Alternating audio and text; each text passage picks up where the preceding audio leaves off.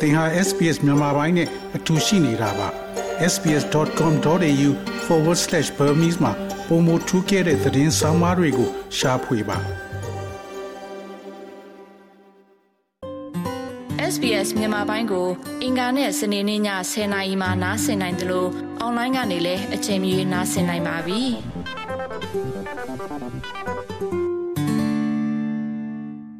တောင်တန်းတွေစိမ့်လက်လက်လေကတဲ့စိုက်ခင်းတွေ စင်တူအိမ်လေးတွေကအစီအီစားတောက်ဆိုင်ရေကန်တာသူ့နေရာနဲ့သူတရှိပြီးလှပနေတဲ့လေကီကောမြို့ကလေးဒီမြို့ကလေးကကရင်ပြည်နယ်မြဝတီမြို့တောင်ဘက်မှာရှိပြီးငင်းချမ်းရင်မြို့တဲ့လို့တင်စားခေါ်ဝေါ်ကြတဲ့မြို့လေးပါကလေးငယ်တွေရဲ့စာအန်တန်ဖះเจ้าကဓမ္မတချင်းတန်ငင်းချမ်းရင်အသွင်ဆောင်တဲ့တိုင်းရင်းသားစကားတန်တွေဟာစစ်အာဏာသိမ်းလိုက်တဲ့စိုးကြိုတွေနဲ့အတူဝါမျိုးခံလိုက်ရပါတယ်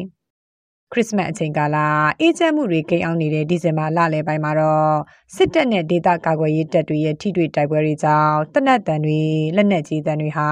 ငင်းချမ်းရေးမြို့လေးကိုအကြီးတန်းစေခဲ့တာအခုဆိုတစ်နှစ်တင်းတင်းပြေးပါပြီကလေးငယ်တွေကစားလို့တက်ကြီးရွယ်အိုတွေပါမကျန်လေကိကောဒေတာကန်တွေဟာအရေးကြီးပစ္စည်းတွေတောင်မယူနိုင်ပဲမြို့ကိုစွန့်ခွာပေးလွတ်ရာထွက်ပြေးတိမ်ရှောင်ခဲ့ရတာပါ ကျမတို့ကလေးကီကိုကနေပေါ့နော်ဒီများရှိလာဖြစ်ကြတော့ကျမတို့ထပ်ပြေးရတယ်ထပ်ပြေးတယ်ဆိုတာလည်းဘာဘူးမှမယူလိုက်ရဘူးကျမတို့ရဲ့အခက်အခဲပေါ့နော်ချောင်းပေးမှာခုံချခုံချတဲ့တချို့တွေကတော့ဒီထဲမှာအထုပ်ပို့တွေမကဘဲနဲ့တယောက်နဲ့တယောက်မိသားစုတွေပွဲကြတာဆိုတော့ညမို့6 9နာရီအချိန်မှာကျမတို့လည်းအမှရေထဲမှာပဲနေနေတယ်ရေထဲမှာပဲဝတ်နေတော့ဗောနော်အခက်ခဲတွေဗောဒီညမှာနေလို့မဖြစ်ဆိုဟိုးကြောက်ခဲဖြစ်ပြီးသွားလိုက်တယ်အခုကကျမတို့ကြောက်ခဲကနေ အမျိုးတော့ဒီမှာပဲနေလိုက်တယ်ပေါ့အဲ့ဒီသူများတွေလာပြီးတော့ကျွေးနေတယ်ပေါ့တချို့ကဒီအိမ်တွေပါလို့ခကြတော့သူများတွေလုတ်သေးတယ်လေကိုနေရတဲ့ဒီလေးကမျိုးတော့မဟုတ်တော့ဒါပေမဲ့အိမ်နိုင်ကိုတောက်အုပ်လို့ပဲချက်ပြနိုင်တဲ့အရာတွေပေါ့နော်အာသမီးလေးလုံချုံပို့အဲ့ဒါပဲကျမတို့အဲ့ဒီမှာနေနေရတယ်လေအဲ့ဒီချောင်းမေးနားမှာပဲကျမတို့နေတယ်ချောင်းမေးဆိုတော့ရွာသားနဲ့ပူပေါင်းအနီတော့အိမ်အောက်မှာပဲကျမတို့နေရတယ်ချို့ဆိုလို့တဲစုပ်လေးနဲ့အဲ့လိုမျိုးတဲဟုတ်ပါဒီ များစလေးနဲ့ထင်တောင်လေးအဲ့လိုပေးတယ်ကျမတရားပဲကူညီကြတော့မိသားစုထဲမှာပေါ့ဘယ်လိုပြောမလဲဆိုသူများပေးကြလားသူများလာလူတလားတော့စုပြီးမှသူတို့ညပေးလိုက်လေ DKV နယ်မြေထဲမှာရှိတဲ့ကြောက်ခက်စိတ်ဆောင်စခန်းမှာခိုလုံနေသူလေကီကောဒေတာကအမျိုးသမီးတူရဲ့အတိတ်ကိုပြန်ပုံဖော်နေပုံကမနေ့တနေ့ကလိုပါပဲ အာနာသိမီနာစစ်ကောင်စီရဲ့လိုက်လံဖမ်းဆီးမှုတွေကြောင့်နိုင်ငံရေးတက်ကြွလှုပ်ရှားသူတွေလက်နက်ကင်လမ်းစဉ်ရွေးချယ်ခဲ့သူတွေနဲ့စစ်တပ်ဆန့်ကျင်သူတွေအတွက်သူတို့နေထိုင်ခဲ့တဲ့လိကေကောမျိုးလေးဟာခိုလုံရအတိုက်မျိုးအဖြစ်ရှိပေးခဲ့ပါတယ်စစ်တပ်ဖမ်းဆီးခြင်းခံခဲ့ရတဲ့ကာကွယ်ရေးတပ်ဖွဲ့ဝင်တွေစီကလက်နက်ဖမ်းဆီးရရှိမှုနဲ့တိုက်ခိုက်မှုတချို့ဟာလေးကေကောကနေခြေရခံပြီးတဲ့နောက်မှာတော့စစ်ကောင်စီရဲ့ပြစ်မှတ်ထားခြင်းခံခဲ့ရတဲ့မျိုးဖြစ်လာပါတယ်။ ပြီးခဲ့တဲ့နှစ်ဒီဇင်ဘာလ14ရက်မှာတော့စစ်တပ်ကအင်အားအလုံးရင်းနဲ့ဝင်ရောက်လာပြီးတအိမ်ဝင်တအိမ်ထွက်စစ်ဆေးတာအပြင်နိုင်ငံရေးတက်ကြွလှုပ်ရှားသူစေကနန်းကျော်ဖမ်းဆီးခဲ့ပါတယ်။ဒီလိုအခြေအနေဟာနောက်တရက်မှာတော့ပြစ်ခတ်မှုတွေစတင်စေပြီးစစ်မီအဖြစ်စတင်ပြောင်းလဲလာခဲ့ပါတယ်။လေကစ်ကောမြို့မှာခုလုံခဲ့ပြီးငင်းချင်းရင်မြို့လေးကိုစစ်ပေးတင်စီခဲ့တဲ့အကြောင်းရင်းတွေနဲ့ပတ်သက်ပြီးနိုင်ငံရေးတက်ကြွလှုပ်ရှားသူမတ်တစ္ဆာက ဟိုကျမတို့ကအားလုံးတက်ကြွလှုပ်ရှားသူတွေပြီးတော့ဒီចောင်းသားတွေပေါ့နော်ဒီရန်ကုန်မှာနေဖို့အဲခက်ခဲသွားတယ်လုံခြုံရေးကဒီဘက်ကိုရောက်လာကြရလို့ရှိမယ်ပြီးတော့လက်နက်ကင်ဒေါ်လာရေးကိုစင်ရွဲကျွန်တော်တို့မှရွေးချယ်ပြီးတော့လေးကီကောကိုထွက်လာခဲ့တဲ့အဲအုပ်စုတွေရှိမယ် ဆိုတော့အဲ့ဒီအုပ်စုတွေကကျမတို့မျှော်လင့်တာ 4K ကောကကျမတို့စက်ပြီးတော့မှကျမတို့ဒေါ်လာရေးကိုအကြာကြီးလုပ်လို့ရတဲ့နေရာဆိုပြီးတော့ကျမကျမအမြင်ပေါ့နော်ကျမတို့လည်းအဲ့လိုမျိုးထင်ပြီးတော့မှ okay ဒီနေရာမှာတော့ငါတို့ဆက်ပြီးတော့လုပ်လို့ရတယ်ဒီနေရာလေးတော့နှောက်ယှက်နိုင်မှာမဟုတ်ဘူးဆိုပြီးတော့လာခဲ့ကြဟိုစစ်ဖြစ်တဲ့အားလုံးပြေးရတယ်ပေါ့ပြေးလာရတဲ့အဲထောက်လျှောက်မှာဆိုလို့ရှိရင်ကျမတို့ကိုအထူးကကူညီတာကတိုင်းသားလက်နက်ကိုင်ဖွဲ့စည်းတွေဖြစ်တယ်ပြီးတဲ့အခါကျတော့ဒီအဲဒေသခံပြည်သူတွေဖြစ်တယ်ပေါ့နော်ဟိုအဓိကတော့ သတင်းလုံခြုံရေးလည်းတကယ်မှအရေးကြီးတယ်အဲ့အချိန်တွေတုန်းကကျမတို့ social media ကနေပြီးတော့မှဓာတ်ပုံတွေတင်ကြတာမျိုးတွေ location တင်ကြတာမျိုးတွေပြီးတော့ဘယ်သူတွေရောက်နေပြီဆိုတဲ့ဟာများအတိအတိအကျပေါ့နော်ဟိုသိရလောက်တဲ့အထိတင်တာမျိုးတွေလုပ်တဲ့တခြားလူတွေလည်းရှိတယ်ပေါ့နော်ဆိုတော့အဲ့ဒါဟိုအပြစ်တင်ခြင်းမဟုတ်ပေမဲ့လို့ဒါတွေနောက်ပိုင်းကျကျမတို့ lesson learn လုပ်ရမယ့်အရာတွေပေါ့နော်ဒီအရာတွေအများကြီးကကနေပြီးတော့မှပဲတိုက်ပွဲဖြစ်ဖို့အတွက်ဟိုတပိုင်းတစားဟို တွန်းအားပေးခဲ့တဲ့အရာတွေလို့ကျမတို့ထင်တယ်စစ်ရဲ့အရာသာစစ်ရဲ့ခါသိမှုတန်ဟိုဒေသခံရဲ့အတူတူခံစားလိုက်ရတဲ့အခါကျတော့မှငါတို့ဒါလုတ်ကိုလုတ်ရမယ်ဒီတော်လန်ကြီးကအဆုံးသက်စင်ထဲမှာရတော့မယ်ဆိုတဲ့အတိအထပ်ပြီးတော့မှကျမတို့ရှိမှထပ်ပြီးတော့ဝင်လာတယ်ပေါ့နော်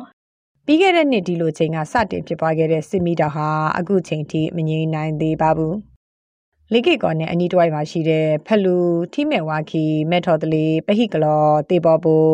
ဘလက်တိုမင်းလက်ပန်နဲ့ကြောက်ကူကြေးရွာကဒေသခံအချို့ကတော့ပြီးခဲ့တဲ့နိုဝင်ဘာလကစပြီးနေရက်ပြန်ကြသူတွေရှိပေမဲ့အဲ့ဒီထဲမှာလေးကေကောဒေသခံတွေမပါဝင်သေးပါဘူးလူဦးရေ3000ကျော်နေထိုင်ပြီးအင်ချေ600ကျော်ရှိတဲ့လိကေကောဟာ KNU တပ်မ6ထိန်းချုပ်နယ်မြေအတွင်းမှာတည်ရှိနေပါတယ်။ မြန်မာပြည်ရဲ့နှစ်ပေါင်းများစွာကြာရှည်တဲ့ပြည်တွင်းစစ်တမ်းကိုခံခဲ့ရတဲ့ကရင်ပြည်နယ်အတွင်းကဒေသခံပြည်သူတွေခိုလုံနိုင်ရေးအတွက်2015ခုနှစ်မှာဂျပန်နိုင်ငံနီပွန်ဖောင်ဒေးရှင်းကလိခိကောမျိုးကိုတည်ဆောက်ခဲ့တာလည်းဖြစ်ပါတယ်။စတီထောင်စဉ်ကလေးကစစ်တပ်နဲ့ငင်းချင်ရေးရည်ပြတ်မရရှိခဲ့ပဲစစ်ရှောင်းတွေနေရပြန်နိုင်ရေးကိုသာဦးစားပေးခဲ့တဲ့အတွက်ဒါဟာထောင်ချောက်ပုံစံဖြစ်စေတယ်လို့ကရင်မျိုးသားစီယုံ KNU တွဲဖက်အတူရင်မှုဟောင်းဘဒိုမန်မန်ကဆိုပါတယ်။ လေးကေကော်မြို့ကငြိမ်းချမ်းရေးမြို့ဆိုတာထက်စစ်အစိုးရရဲ့ထောင်ချောက်လို့ကျနော်တို့ကကျနော့်တယောက်အနေနဲ့အဲလိုမြင်ပါတယ်။ဘာဖြစ်လဲဆိုတော့ကျနော်တို့လေးကေကော်ကဒုက္ခသည်ပြန်လာဖို့ဆိုတဲ့ဟာကိုစဖွင့်တဲ့အချိန်ကတည်းကနိုင်ငံရေးအရပြေလည်မှုမရှိသေးဘူး။ Indirectly ပေါ့နော် Force အနေနဲ့အဓမ္မ ပြန်လာနိုင်ဖို့တောင်မှတွန်းပို့သလိုဖြစ်တယ်ပေါ့နော်။ပြောရမယ်ဆိုရင်တော့နိုင်ငံရေးကိစ္စမပြေလည်သေးဘဲနဲ့ဒုက္ခသည်အရေးကဒါကိုပြန်ပြီးတော့မှပြန်လို့မရသေးဘူးဆိုတော့ပြန်လို့အခြေအနေမဖြစ်သေးဘူးဆိုတော့ဒါကျနော်တို့ပြောချင်တာဖြစ်တယ်ပေါ့နော်။အခုကအဲလိုမဟုတ်ဘဲနဲ့လွန်ခဲ့တဲ့၂၀၁၅ကနေစပြီးတော့ NCA လက်မှတ်စထိုးကတည်းကနိုင်ငံရေးပြဿနာကစားပွဲပေါ်မှာတောင်မရောက်သေးဘဲနဲ့ဒေသဖွံ့ဖြိုးရေးတို့လိုမျိုး နောက်ဒီဒုက္ခသည်ပြန်လည်နေရာချထားရေးလိုမျိုးကိုအရင်ဦးဆုံးလုပ်တဲ့အခါကျတော့ပိုမိုပြီးတော့မှအထိခိုက်ကိုဖြစ်စေနိုင်တယ်ဆုံးရှုံးမှုလည်းပိုဖြစ်လာတယ်ပေါ့နော်။ဒါကြောင့်မို့နောက်နောက်မှာဆိုလို့ရှိရင်တော့ဒီဒုက္ခသည်အရေးပဲဖြစ်ဖြစ်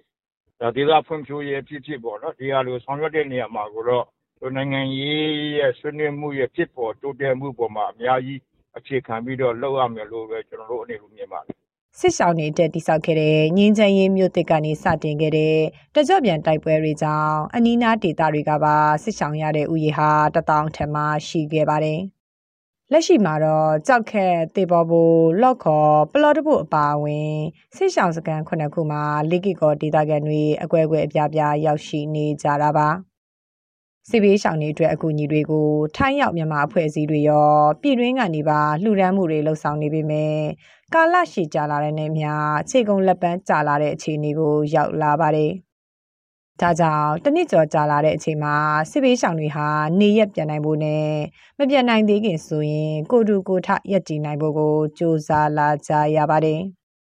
ခလေး300ကျော်အပါအဝင်လူပေါင်း1500ကျော်ရှိတဲ့ပလောတဘိုစစ်ရှောင်းစခန်းကဒေသခံတွေကတော့စုပေါင်းစိုက်ခင်းလို့ပုံစံမျိုးနဲ့အသီးရက်တွေစိုက်ပျိုးတာငားမွေးမြူတာတွေကိုပါလောက်ကင်လာကြပါတယ်ဒီလိုရေရှည်ရက်တည်နိုင်ရေးကြိုးပမ်းလာကြရတဲ့စစ်ဆောင်တွေနဲ့ပတ်သက်ပြီးစစ်ဆောင်ရေးကူညီပေးနေသူဦးမင်းမင်းက ကျွန်တော်တို့ကတော့ဟာလေသူတို့ဟိုဟိုတပတ်တစ်ခါ ပုံမှန်အသီးနှံကားတစ်စီး ပို့တယ်ပေါ့နော် ဒါပေမဲ့အဲကျွန်တော်ပို့တဲ့ဟာကတော့ မလုံလောက်ဆိုကျွန်တော်သိတယ် ဒါပေမဲ့ ကျွန်တော်လည်း အကုန်မတက်နိုင်လေ မတက်နိုင်ခါကျသူတို့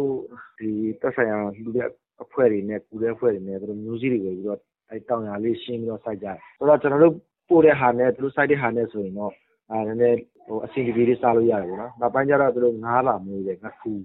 အခုမွေးတာပေါ့နော်နောက်မှုလဲစိုက်ရတယ်ဟိုကျွန်တော်တို့လည်းနည်းနည်းစိတ်အေးရတာပေါ့နော်နောက်မှုဆိုလို့ရှိရင်ဒီတစ်ပတ်စာလုံးတစ်ပတ်စာလုံးကကျွန်တော်တို့လည်းမနိုင်ဘူးသူတို့ကလည်းမလောက်မငှဘူးဆိုတဲ့ခါကျတော့အခက်အခဲဖြစ်တာပေါ့နောက်ပိုင်းသူတို့စိုက်ပြီးမှုကြီးတဲ့ခါကျသူတို့လည်းအဲဖောဖောစီစီလေးနဲ့လုံးလောက်စားရတယ်ညစ်တီကြာလာခါကျတော့ဒီစစ်တဲ့ပိုင်းဆိုင်ရာပေါ့နော်ကျမ်းမာရေးပိုင်းဆိုင်ရာနောက်စစ်တဲ့ပိုင်းဆိုင်ရာ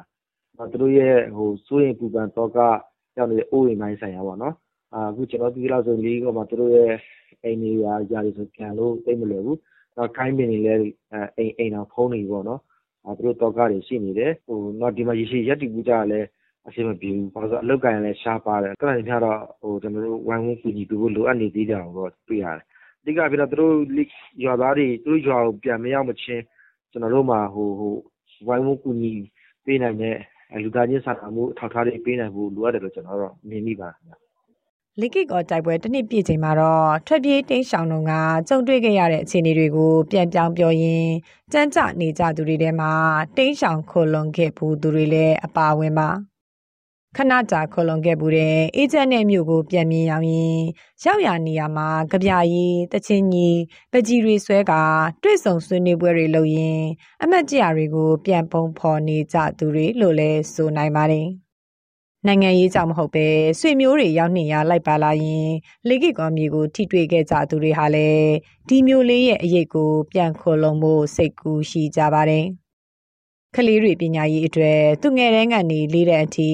6လတာပညာဒါနစာလာသင်ပေးနေတဲ့ဆီယာမဇိုင်းရွန်ကတော့လေကိကောအမှတ်တရအကြောင်းအခုလိုပြန်ပြောင်းပြောဆိုပါတယ်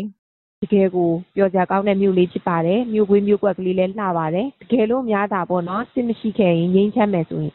တကယ်ကိုပျော်စရာကောင်းတဲ့တောင်စခန်းမြို့လေးဖြစ်ပါတယ်အခုလိုဖြစ်သွားတော့လဲဒါစစ်ရဲ့ ဆိုးကျိုးပါပဲပေါ့နော်လူမဖြစ်သင့်ပါဘူးပေါ့နော်မဖြစ်စေချင်ဘူးပေါ့နော်ဟိုဘုရားသခင်စီမှာဆုတောင်းတာကတော့ကျမတို့မြန်မာနိုင်ငံကြီးအမြန်ဆုံးငြိမ်းချမ်းပါစေနောက်ပြီးတော့ခင်ရဲ့အလူတော်ဒီကောင်းကင်ဘုံမှာပြည့်စုံကဲတို့မြေကြီးပေါ်မှာပြည့်စုံပါစေမြန်မာနိုင်ငံပေါ်မှာပြည့်စုံပါစေလေးကီကော်မြို့ပေါ်မှာလည်းပြည့်စုံပါစေလို့ဆုတောင်းတယ်မငင်းသေးတဲ့စစ်မီးတွေကြားမှာလေးကေကောတိုက်ပွဲတဲ့ဟာမနေ့တနေ့ကလို့ဆိုပေမဲ့ဒေသခံတွေအတွက်တော့ရုန်းကန်ရတဲ့ကာလဟာရှေ့ကြာလာပါတယ် အနီးနားဝန်းကျင်ရွာကန်တချို့နေရက်ပြန်ကြပေမဲ့အများစုကတော့နှစ်ဖက်တပ်တွေရဲ့မြေမြုံမိုင်းနဲ့တိုက်ပွဲခေါ်တံတွေကြားနောက်ထပ်ဆုံးရှုံးမှုတွေထပ်မရှိလာဖို့ကိုပဲလိုလားနေကြတာပါဒီသတင်းဆောင်မကိုတန်လွင်ခက်ကပေးပို့ထားတာဖြစ်ပါတယ် SBS မြန်မာပိုင်းကိုနားဆင်ရတာနှစ်သက်ပါတလား Facebook မှာဆွေးနွေးမှုတွေကိုဆက်ကြရအောင်ပါ SBS မြန်မာပိုင်း Facebook ကို like လုပ်ပြီးတော့သင်ချင်တဲ့ချက်ကိုမျှဝေနိုင်ပါတယ်။ SBS Bemis ကို Facebook မှာ share ကြည့်နိုင်ပါတယ်ရှင်။